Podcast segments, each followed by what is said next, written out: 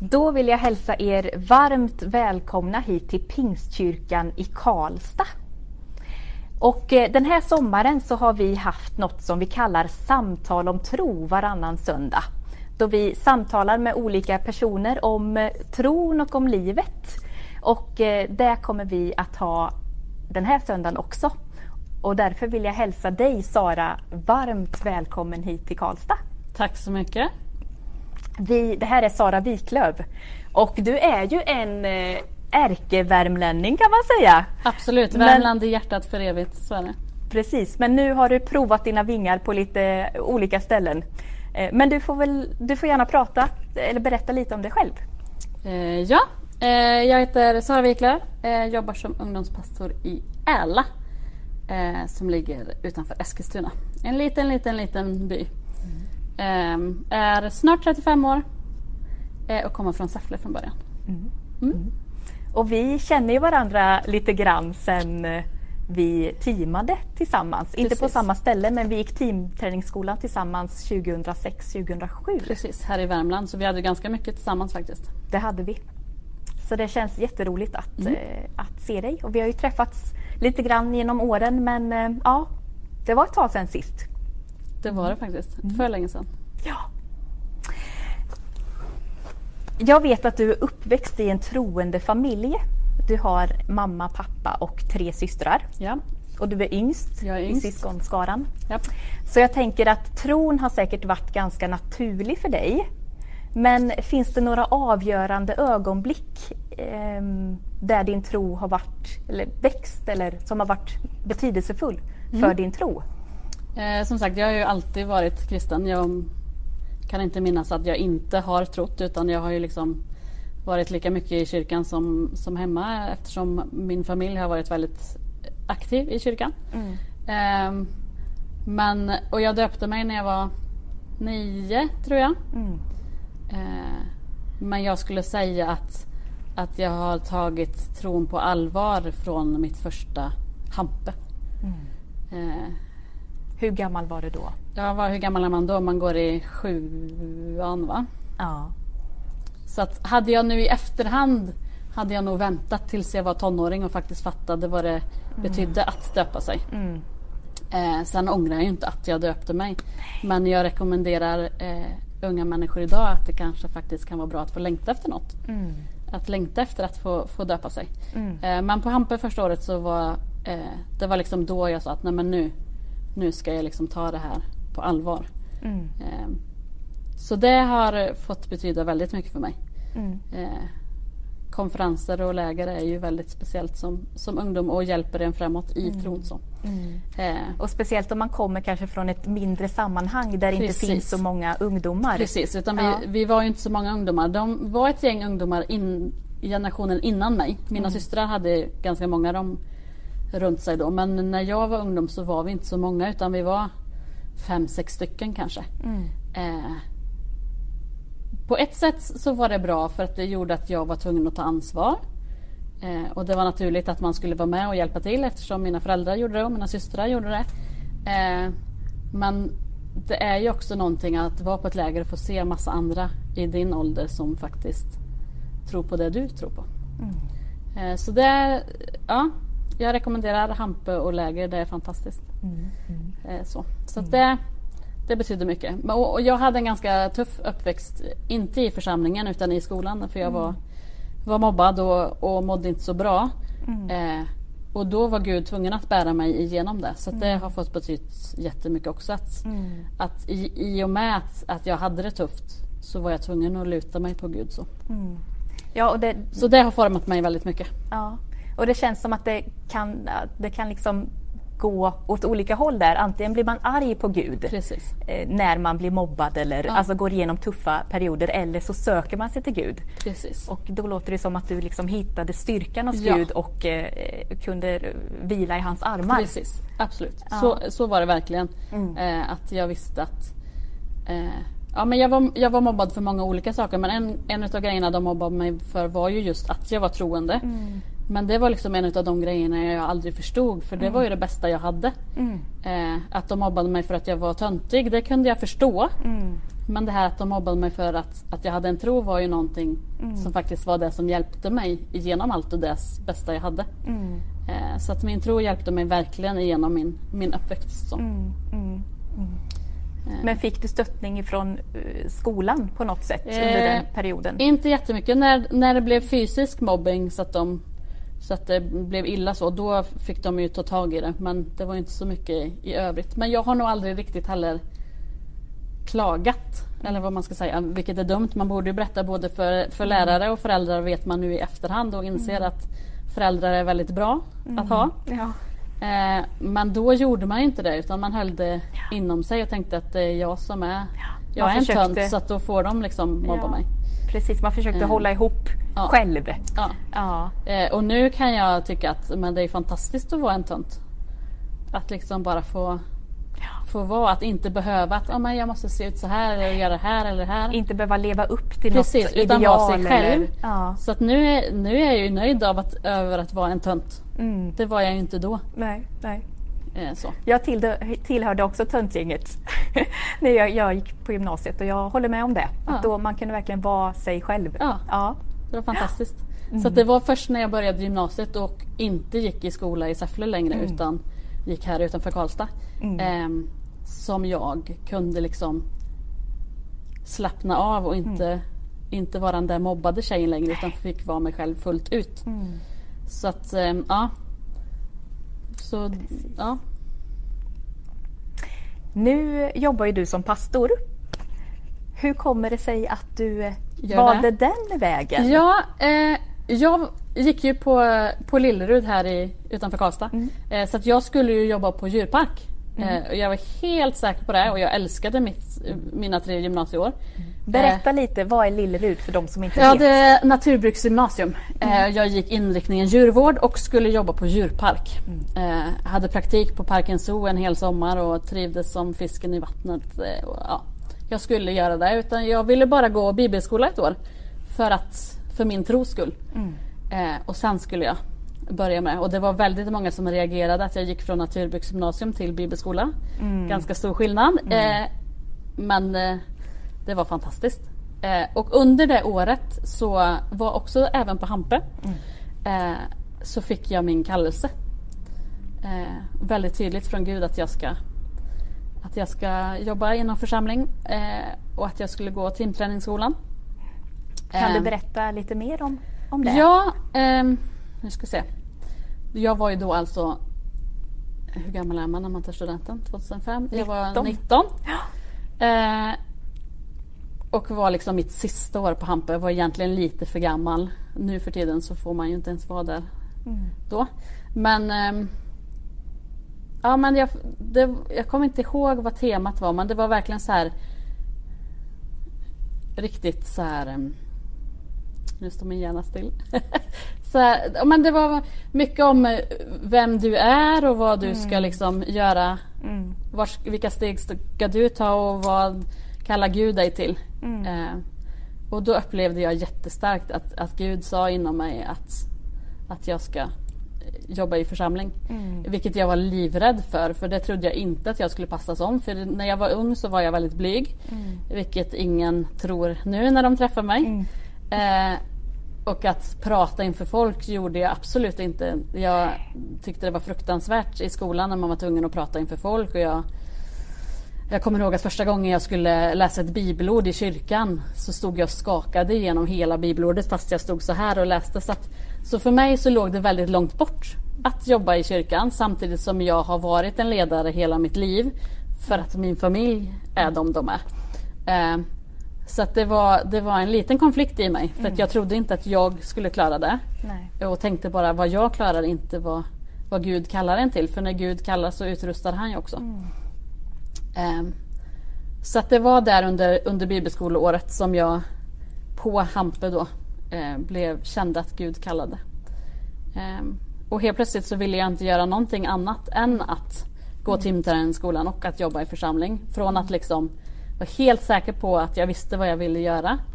Eh, och jag älskar fortfarande djur, absolut. Eh, men på fritiden. Men du älskar Jesus mer? Precis, precis. Ja.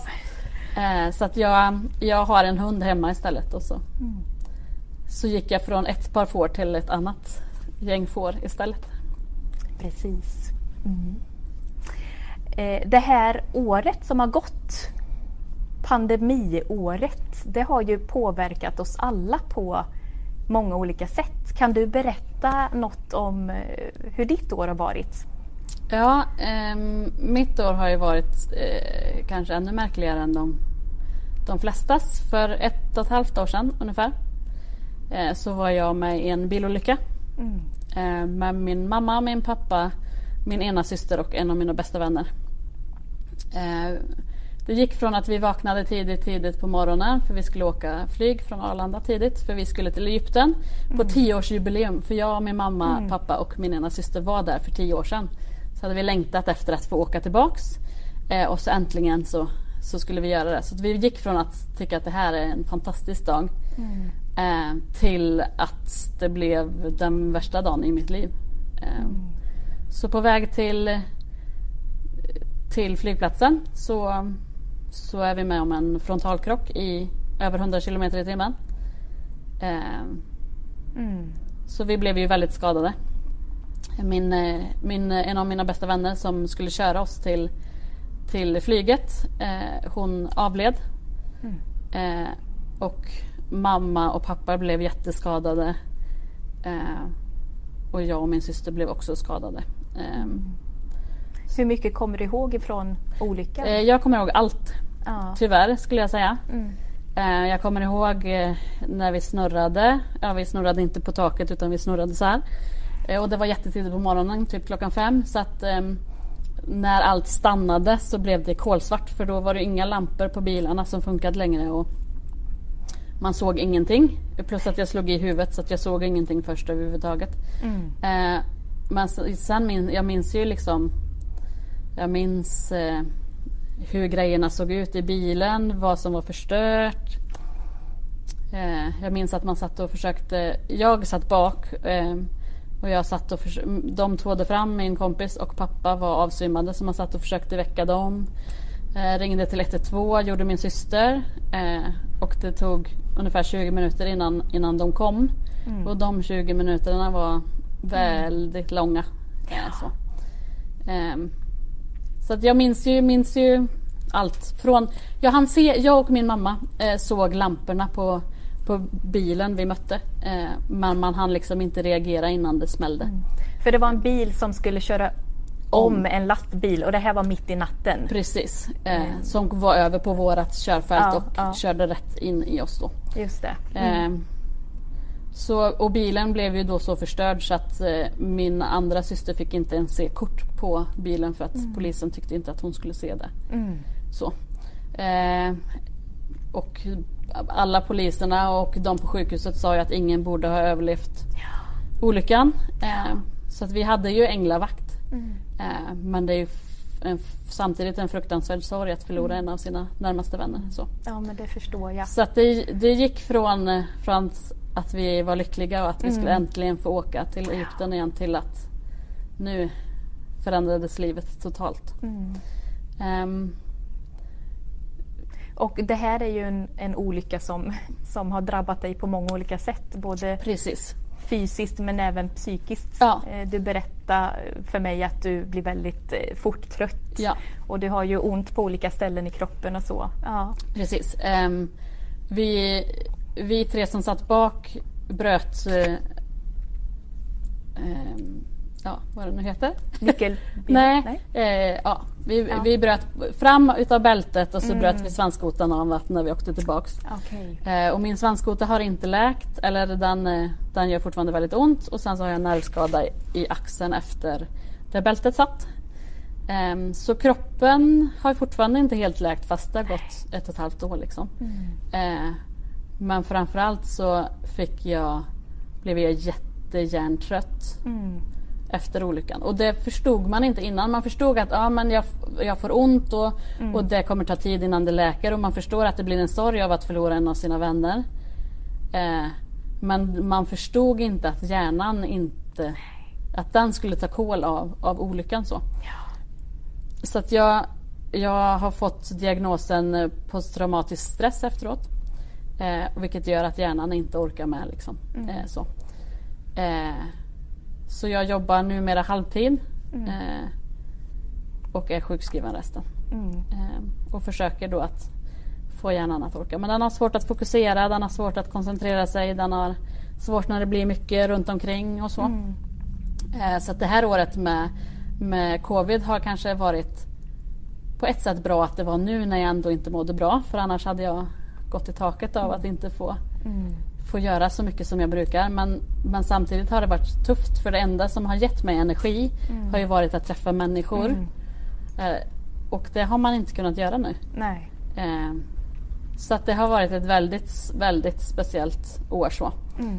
Eh, Men jag är ändå tacksam att, att jag nu mår så pass bra att jag ändå kan jobba 50 procent. Mm. Eh, Så att det går framåt Mm. även om det går väldigt, väldigt, väldigt långsamt. Så. Mm. Mm.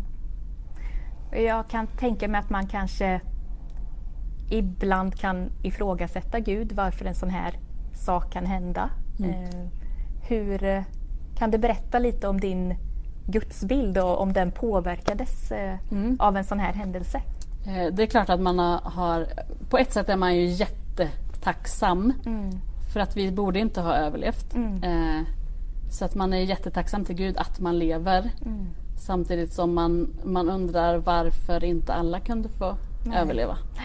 Eh, och man kan tänka att ja, men hon hade ett litet barn hon skulle ta hand om. Det hade varit bättre att jag som inte har barn Mm. inte hade överlevt då. Eh, så det är klart att man ifrågasätter. Mm. Men det har aldrig fått mig att tvivla på Gud. Utan jag har hela tiden känt att Gud verkligen har varit med och styrkt mig genom, genom hela de, den här processen. Mm. Eh, dels att, att vi överlevde och, och dels att, eh, att, att man orkar fast man inte orkar. Mm.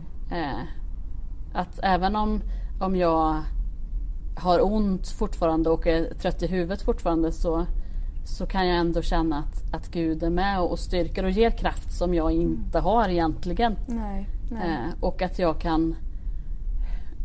Ja men vissa grejer i Bibeln ser man en, en helt annan syn på nu när man förstår. Som det här med, det står så många bibelord om att man inte ska vara rädd. Mm. Jag är liksom ingen person som någonsin har varit rädd. Det är skillnad på att bli rädd och att vara rädd. Att bli rädd blir vi nog alla någon gång att bli skrämda. Men att vara rädd är en helt annan sak och det har jag aldrig varit förut. Eh, så att, att läsa de bibelorden har inte riktigt gått in förut. Mm. Medan nu när jag är, fortfarande kan vara livrädd när jag åker bil så kan jag ändå ta, ta åt mig de bibelorden på ett helt annat sätt. Mm. Att jag behöver inte vara rädd. Och jag ska inte låta rädslan vinna utan Gud är med och styrker och ger kraft. Ja, och de, då kan de här bibelorden verkligen vara något att luta sig tillbaka mot och Verkligen. hämta kraft ifrån. Precis, på ett helt annat sätt än Ja. innan när man bara läste dem och inte förstod vad rädsla var. Precis, ja. ja. För du berättade för mig att, att du har tre bibelord som eh, verkligen har burit dig genom livet. Men, men speciellt två bibelord sen olyckan kan man säga. Och det är ju bibelordet som står i Filipperbrevet 4 och 13. Allt förmår i honom som ger mig kraft. Ja, s- särskilt nu när man inte haft någon kraft överhuvudtaget. I början efter olyckan så behövde jag ju hjälp med allt. Att klä mig, allting. För jag klarade ingenting själv. Eh, och då när man är helt kraftlös är det fantastiskt att, att Gud ger oss kraft. Att vi behöver inte orka själva. För att Gud orkar åt oss och hjälper oss. Att vi inte behöver utan att han, han bär. Eh, och det är ju något fantastiskt eh, och något man verkligen, jag verkligen har fokuserat på nu. När jag inte orkar själv. Eh, I vårt förra samtal om tro så samtalade ju Sam Wolin med Sven-Gunnar Ros om mirakler. Och eh, Sven-Gunnar har eh, varit med om en del som eh, i det här området. Men jag vet att du också har varit med om något övernaturligt. 2018, eller hur? eh, ja, det var det säkert. Jag är inte så bra på årtal. Eh, men det måste det varit ja. Ja, eh, jag har varit med om, om flera mirakel. Och det har verkligen fått, fått lyft min, min tro. Men senast nu då, 2018 var det nog, så hade jag hälsporre i båda mina fötter. Eh, och inte vanlig hälsporre utan väldigt kraftig sådan. Så att det slutade med att de sjukskrev mig och sa att du måste ligga helt still. Du får inte gå på dina fötter på fem veckor eller vad det var. Mm. Så att jag åkte hem till mamma och pappa för jag kunde inte bo hemma eh, när jag inte kunde gå. Mm. Eh, så, så att jag åkte hem till mamma och pappa. Eh, låg i deras Ja, man är i gästrummet och fick då inte gå från sängen utan från sängen till toaletten så tog jag rullstol. Eh, för att jag inte fick använda mina fötter. Eh, men det blev inte bättre utan jag, låg, jag var sjukskriven Ja, typ från februari mm. tror jag att, eller om det var januari som jag blev sjukskriven. Och sen så började jag jobba 25 procent eh, vid sommaren. Mm. Eh, för att det blev ändå inte bättre så att jag åkte rullstol. Använde kryckor ibland men oftast rullstol. Eh, för att mina fötter klarade inte av att bära mig mm. Eh, och blev inte bättre. Ehm, så då var jag på Hampe. Detta Hampe, det är fantastiskt. Eh, det är dock inte bara där jag har varit med om, mirakel men, men Hampe är fantastiskt. Då var jag där som ledare. Mm. Eh, och det är inte jättelätt att ta hand om sina ungdomar eh, när man knappt kan ta hand om sig själv. Precis, och mm. man inte kan springa efter dem Nej. om de gör bus. Ja. Ehm, men Så hade, de hade det jätteroligt då? De hade det jätteroligt fast de hade, jag är ganska sträng. Mm. Um, så att de vet att, att man inte får bråka för mycket. Man får jättegärna busa lite grann men man får inte förstöra för någon annan. Eh, så. så att de vet ändå att även om jag inte kunde komma ner till deras husvagnar så visste de ändå att mm. man inte får bråka för mycket. Eh, sista kvällen på Hampe eh, så eller varje kväll på Hampus så kom mina fantastiska ungdomar som jag jobbar med kom fram och, och bad, bad för mig på mm. mötena mm. eh, att jag skulle bli frisk. Eh, och sen så sista kvällen på Hampus tror jag det var, fred, lördagen måste det ha varit. Eller om det var fredagen, ja fredagen mm. eller lördagen. Eh, så, um, så kom de och bad för mig eh, och sen när de var färdiga, det här var i slutet av mötet, eh, sen när de var färdiga så så kom det några som jag inte kände av ungdomarna och frågade om de fick be. Mm. Och sen slutade det med att vi satt och bad där hur länge som helst. Um, och sen efter ett tag så kände jag att det inte gjorde riktigt lika ont i, i hälarna så att jag testade att ställa mig upp och då, jag, fåfäng som man var så använde inte jag eh, rullstolen Rullstol, på Hampe utan jag använde kryckorna. Ja, och det är lite svårt i och med att det är mycket, så mycket gräs. Precis, ja. eh, och jag, men jag höll mig liksom högst upp. Jag gick inte ner till stranden Nej. eller något sånt här. Men jag använde bara kryckorna. Mm.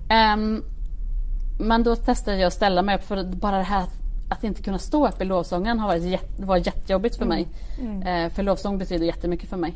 Ja. Um, men så testade jag att ställa mig och så kände jag att ah, men, det här går ju bra och så efter ett tag så kände jag att, att det var helt bra. Att jag kunde liksom stå utan att det gjorde minsta ont och jag behövde inga kryckor. Och så tittade jag runt mig så hel, nästan hela kyrksalen fortfarande ja. full av ungdomar som ber och de längst bak vet inte ens vad de ber för. Utan de bara ber. Ja. Eh, och det var flera helanden som, som skedde i den atmosfären mm. vid det tillfället och jag kunde mm eh, dumpa kryckorna och rullstolen och istället gå ner mm. och, och dansa. Mm. Eh, så det var fantastiskt. Vilken lycka som ungdomspastor Verkligen. att se det här. Ett, ett helt rum eller sal ja, ja, fylld med var, ungdomar. Det var, mm. ja, det som var fantastiskt. Ja. ja. ungdomarna tyckte att vi skulle elda upp eh, rullstolen och kryckorna okay. och jag försökte förklara att man måste ge tillbaka det till sjukhuset. Men, ja, ja. men, eh, men bara skillnaden att, att helt plötsligt så så kan jag gå igen. Mm. Eh, och så var jag hos läkaren veckan efter och, och, och, han sa att, att han faktiskt ganska ofta fick se mirakel. Bara det är ju häftigt. Mm. Eh, och så sa han att en del har, har himlen på sin sida och då ska man vara glad och tacksam. Mm. Och precis så är det ju. Men, mm. men grejen är att vi har ju himlen på vår sida alltid. Mm. Inte bara när vi blir helade. Utan jag har ju himlen på min sida lika mycket nu när, när livet har varit tufft. Mm. Och det är det man får sätta sitt fokus på. Att mm. Gud vill mig lika mycket väl nu som när han helade mig. Eh, att det inte är ett straff att jag Mm. har varit med om den här olyckan utan att Gud fortfarande är på min sida och att jag fortfarande kan vara glad och tacksam igenom det svåra. Precis, precis. Mm.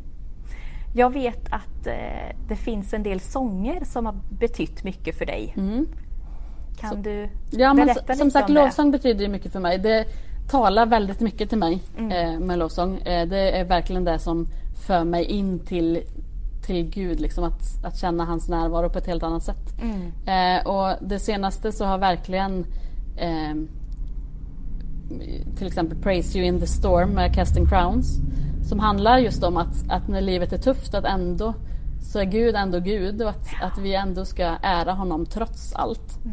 Eh, och det har verkligen varit Jag lyssnade på den typ dygnet runt i början efter olyckan för att det blev så påtagligt för mig att trots att livet är, är skit just nu Mm.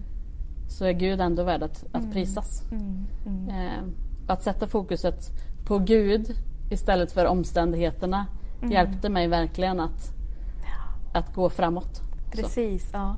ja men jag brukar ibland tänka på bibelordet där det står, där det står Herre till vem skulle vi gå? Mm. Som lärjungarna säger och det stämmer verkligen. Ja. Alltså till vem ska man gå när Ja. något sånt här händer? Det är bara hos Jesus som man hittar kraften. precis. Och, och bara vetskapen att det är okej att vara arg på Gud. Mm. Eller att det är okej att vara ledsen. Mm, Gud är lika mycket där ändå. Gud älskar dig lika mycket även om du blir arg på honom. mm, Eh, och bara den här känslan att kunna luta sig tillbaks Mm. när livet är tufft. mm. Jag förstår inte hur jag hade, jag, eller jag hade inte orkat de här, det här sista ett och ett halvt året om jag inte hade vetat att, Mm. att Gud är med och, och att, att han har koll. Liksom. Att han kan hjälpa och han kan ge kraft, han kan göra allt liksom. Ehm, ja. Så i, i sorgen Mm. så kan man ändå liksom se Gud igenom det. Mm, mm. Har du kunnat använda den här olyckan eller det du har varit med om för att hjälpa andra på något sätt? Eh, jag, kan, jag tror att alla mina predikningar efter olyckan har nog handlat om, Mm. om Guds kärlek, om Guds omsorg, om att hur, ja, men, om att se Gud trots omständigheterna. Att, att lita på Gud när livet är tufft. Eh, Att han fortfarande är trofast Precis, och för det- god. precis, Ja. för det, att det funkar även när livet är tufft. Mm. Eh, att, att det inte bara funkar utan att Gud oftast kommer ännu närmare eller känns ännu närmare när man måste förlita sig på honom. Mm. Eh, Man har inget val. Precis, att man Ja. klarar inte det utan honom. Mm. Eh, och det är verkligen ett, ett tips att när livet är tufft så ska man inte vända sig ifrån kyrkan utan det är då du behöver kyrkan och Gud som mest. Mm. Eh, för att det är det som hjälper bäst. Ja. Hur eh, ser du på framtiden? Eh, ja, jag hoppas ju att jag snart ska vara helt återställd. Eh, det tar ju tyvärr längre tid än jag vill. Mm. Eh, men jag ser ändå att, att Gud har ju kallat mig. Mm. Eh, och sen om, om det blir på något annat sätt än, än det är just nu Ja. så har ju Gud koll på det. Mm. Men jag eh, älskar ju Äla. Jag älskar Älas ungdomar och Älas församling och tror ju att jag ska vara där ett tag till. Mm. Eh, sen nu gör jag det på halvtid men förhoppningsvis så småningom så, så kan jag komma tillbaks som jag var förut. Mm. Eh, man får bara låta det ta tid och låta Gud få ha omsorg. Jag vill läsa ett till bibelord som har betytt mycket för dig och det är från Romarbrevet kapitel 8, 38 och 39 där det står Ty jag är viss om att varken död eller liv, varken änglar eller andemakter, varken något som finns eller något som kommer, varken krafter i höjden eller krafter i djupet eller något annat i skapelsen ska skilja oss från Guds kärlek i Kristus Jesus, vår Herre. Och det här bibelordet berättade du har burit dig sedan du var liten och du, Mm. du hade det tufft på olika sätt. Precis, det har alltid Ja. varit mitt favoritbibelord om man kan säga så. Det finns ju så många som är fantastiska men Mm. det har verkligen fått vara mitt tema bibelord. Att Mm. hur allt runt omkring än blir eller är så kommer Gud alltid att älska oss. Ehm, och Guds kärlek är något så fantastiskt och så enormt så att det är så svårt att greppa. Eh, men att man verkligen är älskad för den man är, inte för vad man gör eller, eller hur många som tycker om dig eller hur populär du är. Eller, Mm. utan för den du är och det är ju någonting fantastiskt. Ja. När jag slutade min tjänst i, i Lindesberg så hade de på avtackningsmötet så var det en, en gammal man som gick fram och, och hade en hälsning och så sa han Vad predikar Sara alltid om? Och då sa alla Guds kärlek. Ja. För det blir naturligt att i vad jag än predikar om så är ju Guds kärlek det som det handlar om. ja, det bottnar i det. Ja. Ja. Eh, Så det är någonting som, som alltid har stått mig väldigt, väldigt, Ja. väldigt nära. Och Genom, har- allt, genom precis. allt jag har gått igenom så har Guds kärlek ändå varit det som har bestått. ja. Det är självupplevt. Precis. Mm. Mm. Så roligt att du kunde komma hit Tack och, för att jag eh, fick. och berätta om ditt liv. Vill du be en bön så här Absolut. i slutet? Det gör jag. Mm. Tack Jesus att du är med Herre Jesus. Tack att du älskar oss och att vi alltid får komma till dig. Hur vi än mår eller känner oss Herre Jesus så, så vill du vara där Herre Jesus. Tack för att du vill skratta med oss när vi är glada och tack för att du vill trösta oss när vi är ledsna Herre Jesus. Och tack att vi, att vi får vara som vi är Herre Jesus. Tack att vi inte behöver klättra på en stege för att nå till dig utan du kommer ner till oss där vi är Herre Jesus. Herre, tack för att du har omsorg och tack för att du aldrig lämnar oss Herre Jesus. Tack för att du ger oss kraft när vi behöver det och tack att du ger oss ro när vi behöver det, Herre Jesus.